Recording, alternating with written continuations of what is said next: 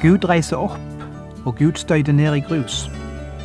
Gud setter opp timeplan for alt, og det gjelder også min lille verden. Den Gud som puster på verdensherskere og verdensregime så de detter som døde fluer, han er den Gud som legger planer for din hverdag, og som har noe han vil utrette gjennom ditt liv i dag.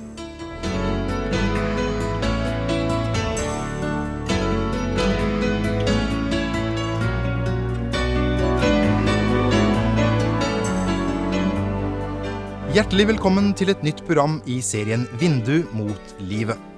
Vindu mot livet er basert på programserien Insight for Living ved Chuck Svindal. Programmet er produsert av Kristen Riksradio og blir ledet av Ola Bjoland.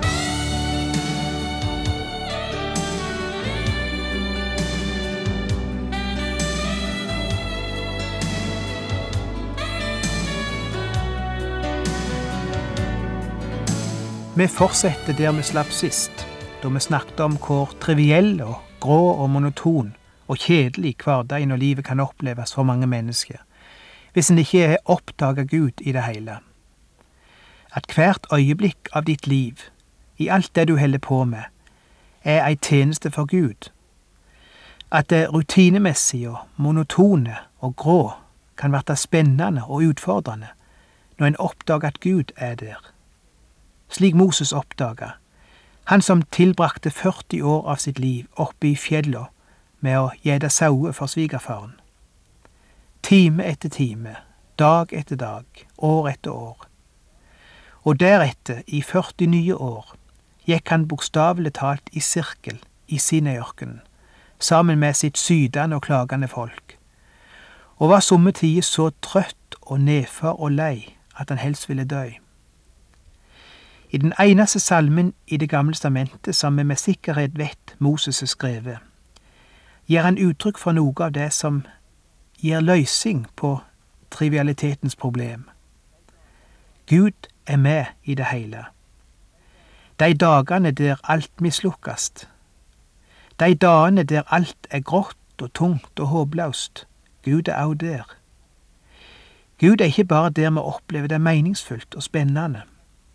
Gud er òg utenfor de situasjonene, i det meningsløse, i det trivielle, i det monotone. Du ser han kanskje ikke, og det er problemet. Det er det som gjør, at, som gjør det hele så håpløst og tungt for deg. Du ser ikke vitsen med det du driver på med.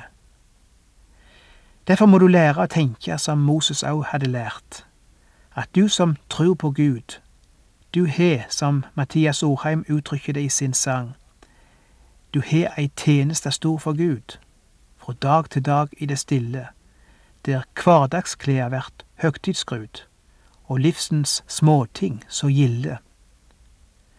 Fordi Gud alltid har en oppgave for deg. Gud er overalt der det er mennesker, og du kan begripe at der du er, og Gud samtidig er, der er det ikke meningsløst. Der vil Gud bruke deg. Uansett hva du driver på med, uansett hvor grått og trivielt og rutinemessig det kan se ut. Det er bare fordi du ikke oppdager at hver dag er en gave fra Gud. Hver dag er unik. Fordi Gud har en oppdag, oppgave for deg i dag. Ser du ikke det? Mathias Orheim sier det på sin måte. Når så eg spør meg hver arbeidsdag, hva ville Jesus vel gjøre? Da gjev han livsmot og arbeidslag, så livet provar mi lære. Om av og til det vert kvardagsgodt, så det i striden går tungt og trått. Med bøn og Bibel vert allting godt, for Jesus vil krafta være. Det var det Moses gjorde. Han brukte bønna. Han snakket med Gud, slik som han gjør her i Salme 90, som vi holder på med. Og han nevner en del kjensgjerninger i sin bønn som er viktige for han å minne seg sjøl om, for å få det rette perspektivet over livet og den rette meninga med hverdagen. Og vi har sett på noe av det han nevner i sin bønn, og vi skal se på mer i dag. La oss lese videre fra vers tre til seks i Salme 90. Du lar menneskene bli til støv igjen, og sier, Vend tilbake, menneskebarn. For tusen år er i dine øyne som dagen i går, da den, da den for forbi, eller som en nattevakt. Du river menneskene bort, de er som en søvn.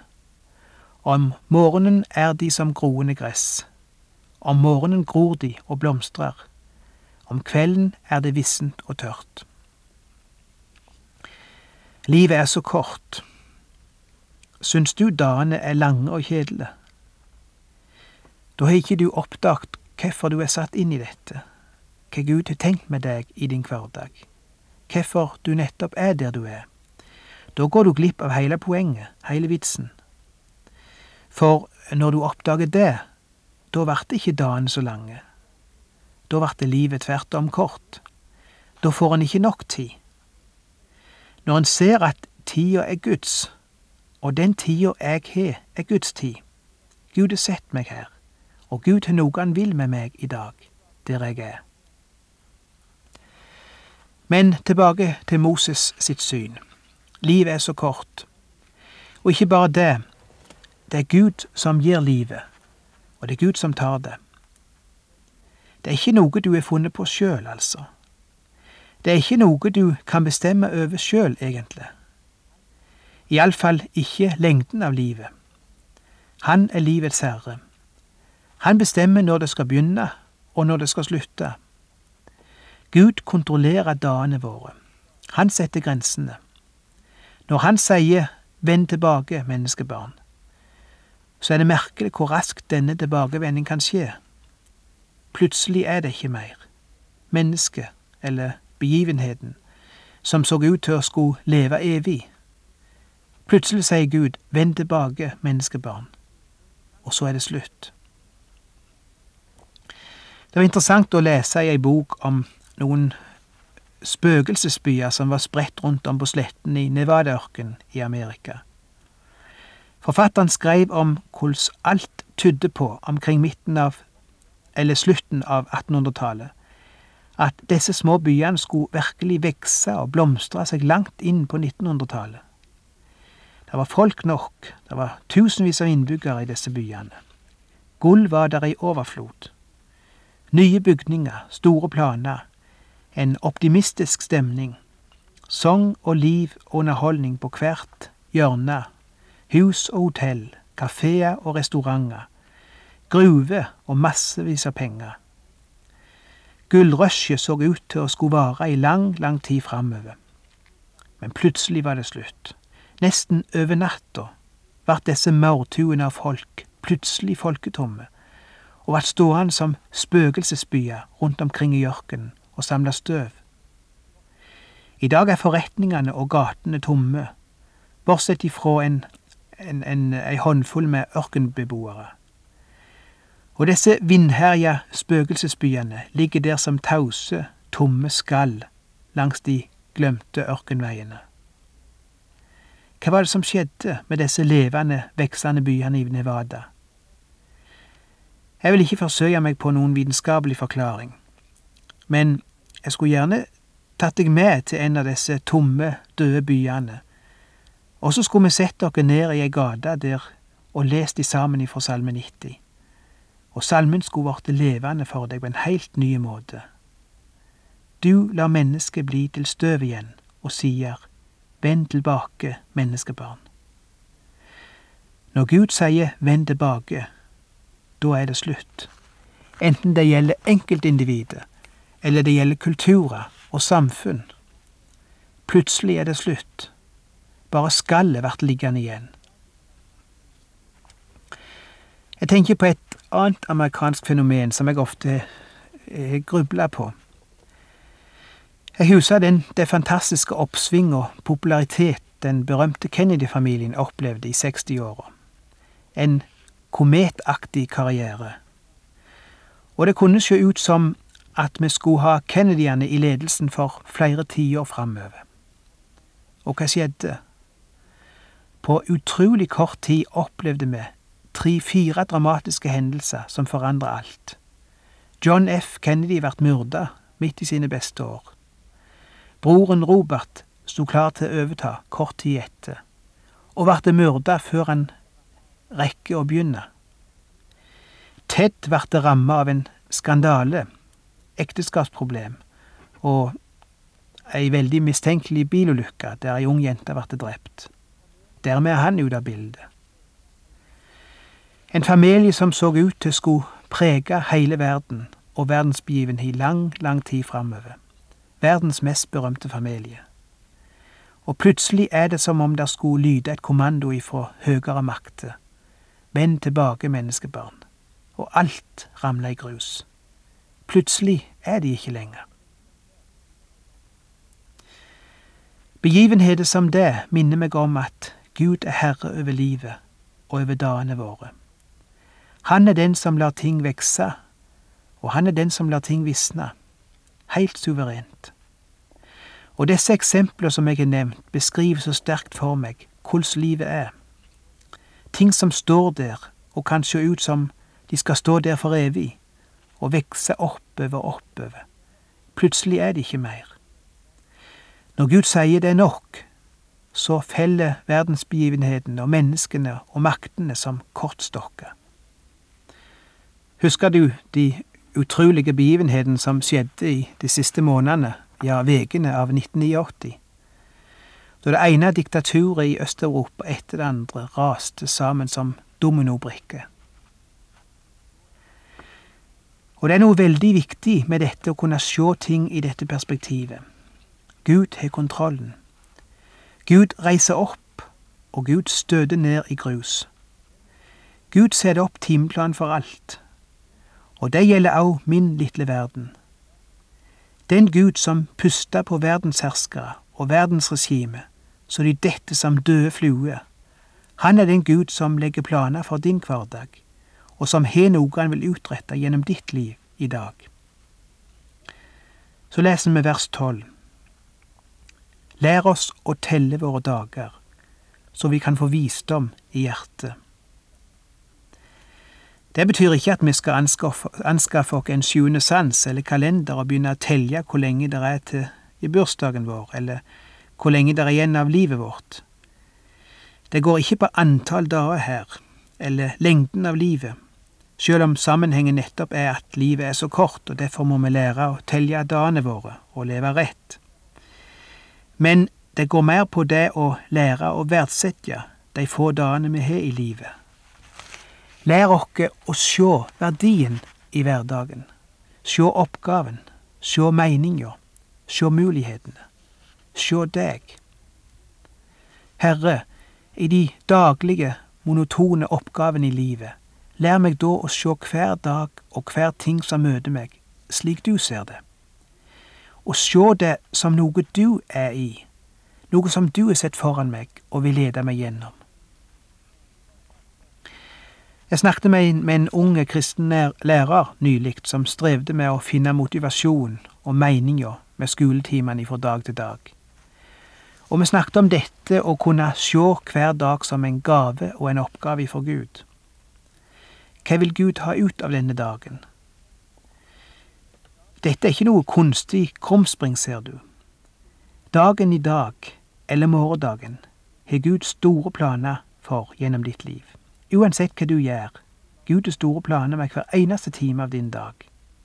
Det er bare du som ikke ser det, og er oppmerksom på det. Og derfor ble det hele så meningsløst og kjedelig. Tenk hvor annerledes dagen ble for en kristen lærer, eksempel, når han møter de mange rutineoppgavene i de samme klassene uke etter uke, år etter år, og kunne få se det som et kall ifra Gud. I dag skal jeg stå foran 20 unge mennesker, og jeg har en helt enestående anledning til å prege disse, og til å påvirke dem for resten av livet. Tenk på det, ikke bare med det jeg lærer dem, men med hvordan jeg er hvilke holdninger jeg viser, hvordan jeg tar konfliktene som oppstår, hvilket livssyn og livsholdning som stråler fram. Vil du, Gud, bruke meg og møte disse menneskene gjennom meg i dag? Eller den som er heimeværende. Jeg er sjøl heimeværende for tida, sjøl om jeg har mitt fulle arbeid med å lage disse radioprogramma. Jeg har nemlig et kontor heime der jeg sitter og forbereder meg, og kona er ute på arbeid, og om ei stund kommer barnet heim, og jeg må snart begynne å stelle i stand middag. Og av og til føler jeg uff, nå kommer de snart hjem, og så er det gjennom de samme rutinene igjen. Henge opp klær, passe på at de gjør leksene, rydde når de roter, skjenne litt og mase litt og høre litt på krangling og roping og springing, skrelle poteter og gulrøtter. Hva skal jeg forresten ha til middag i dag? Jeg går tom for ideer. Fisk liker de ikke. Kumle orker jeg ikke lage i dag. Og så videre og så videre. Å jau, jeg kjenner litt til rutinene og til det å gå trøtt i hverdagen og oppleve det hele som tomt og meningsløst. Men så setter jeg meg ned og ber med Moses i Salme 90. Og så sier jeg til meg sjøl, i dag står jeg foran en unik oppgave. Jeg skal møte mennesker og bety noe og være noe for disse menneskene.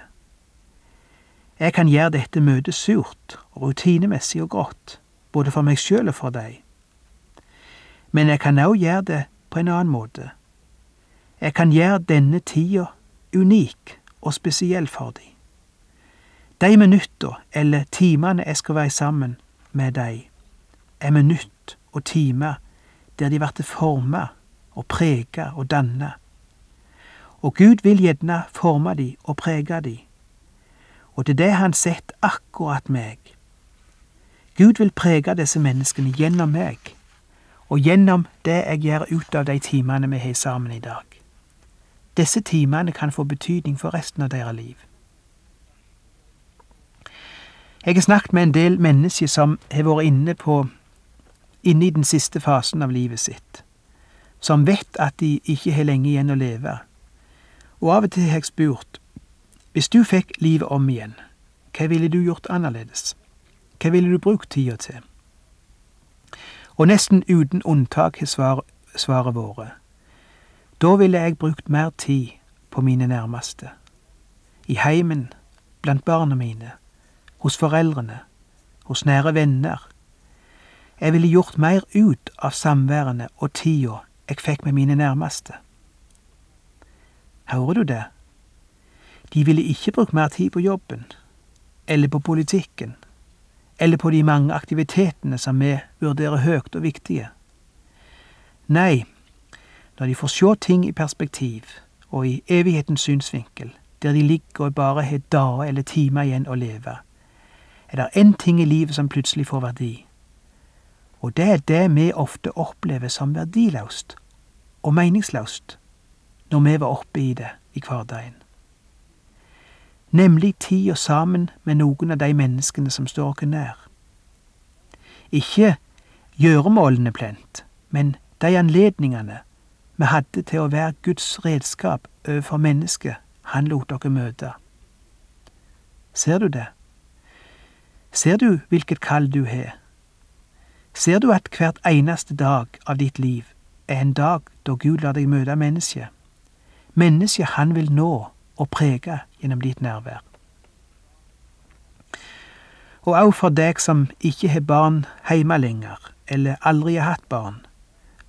Om du kunne be hver dag, lær oss å telle våre dager. Lær oss å verdsette og vurdere hver dag som en dag ifra deg og lær oss å gjøre hver dag til en spesiell dag, en annerledes dag. Hver dag er en sjelden gave, en skinnende mulighet. Hver dag er på ny en nåde som stiger fra himmelen ned. Hver dag er igjen et ansvar, et stort og alvorlig krav. Hver aften står hvite stjerner og spør deg om hva du gav. Hver aften står hvite stjerner i himmeriks fjerne by. Hver morgen går Gud og vekker din vilje til dåd på ny. En kristen doktor strevde mye med dette vi snakket om i dag. Så etter hvert ikke meninga med de rutinemessige oppgavene i heimen.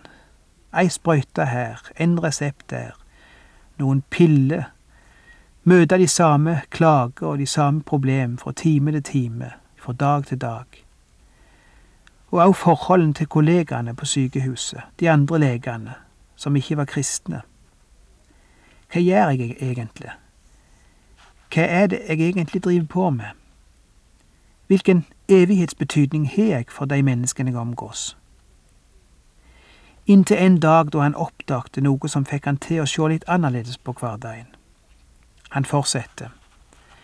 En av kollegaene mine hadde har flysertifikat og eier sitt eget privatfly. Han er mye ute og flyr, bokstavelig talt. Men han er òg ute og flyr på andre måter. Han er gift, men har òg andre kvinner som han møter.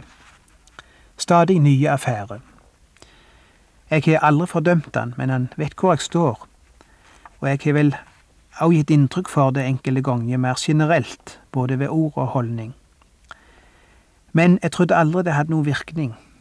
Jeg følte ikke at de andre i det hele tatt la merke til eller ensa hva jeg sto for, og hva jeg sa, midt i, det, i den monotone og rutinemessige hverdag som vi jobba sammen.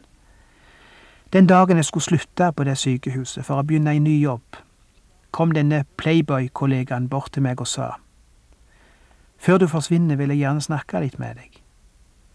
Mitt liv er 100% tomt. Jeg husker du sa en gang at jeg kunne komme og snakke med deg hva tid som helst jeg måtte ønske det. Jeg har iakttatt deg hver eneste dag, studert ditt liv.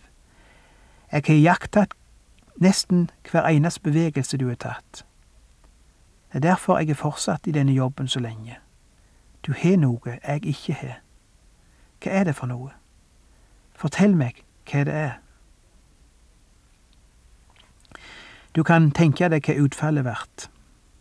En lege som, lega, som leda sin kollega til Kristus. En playboy-lege som begynte å tro på den store lege. Ikke tro at et eneste sekund eller en eneste dag av ditt liv er uten betydning for Gud og for andre mennesker. Hvis du vil begynne å tenke at Gud er der, og Gud har en stor plan med de timene han gir deg i dag, da kan hverdagen din verte ny og spennende. De samme oppgavene, kanskje. De samme rutinemessige gjøremål. Men det er der Gud arbeider. Det er der Gud møter mennesket. Det er der mennesket tilbringer det meste av sitt liv. Det er de timene du skal fortjene Gud. Og det er de timene som kan være avgjørende for noen mennesker. Fordi Gud er der og du er der. Og det kan arbeide sammen for å gjøre livet annerledes for, og for å prege ett eller flere mennesker i dag.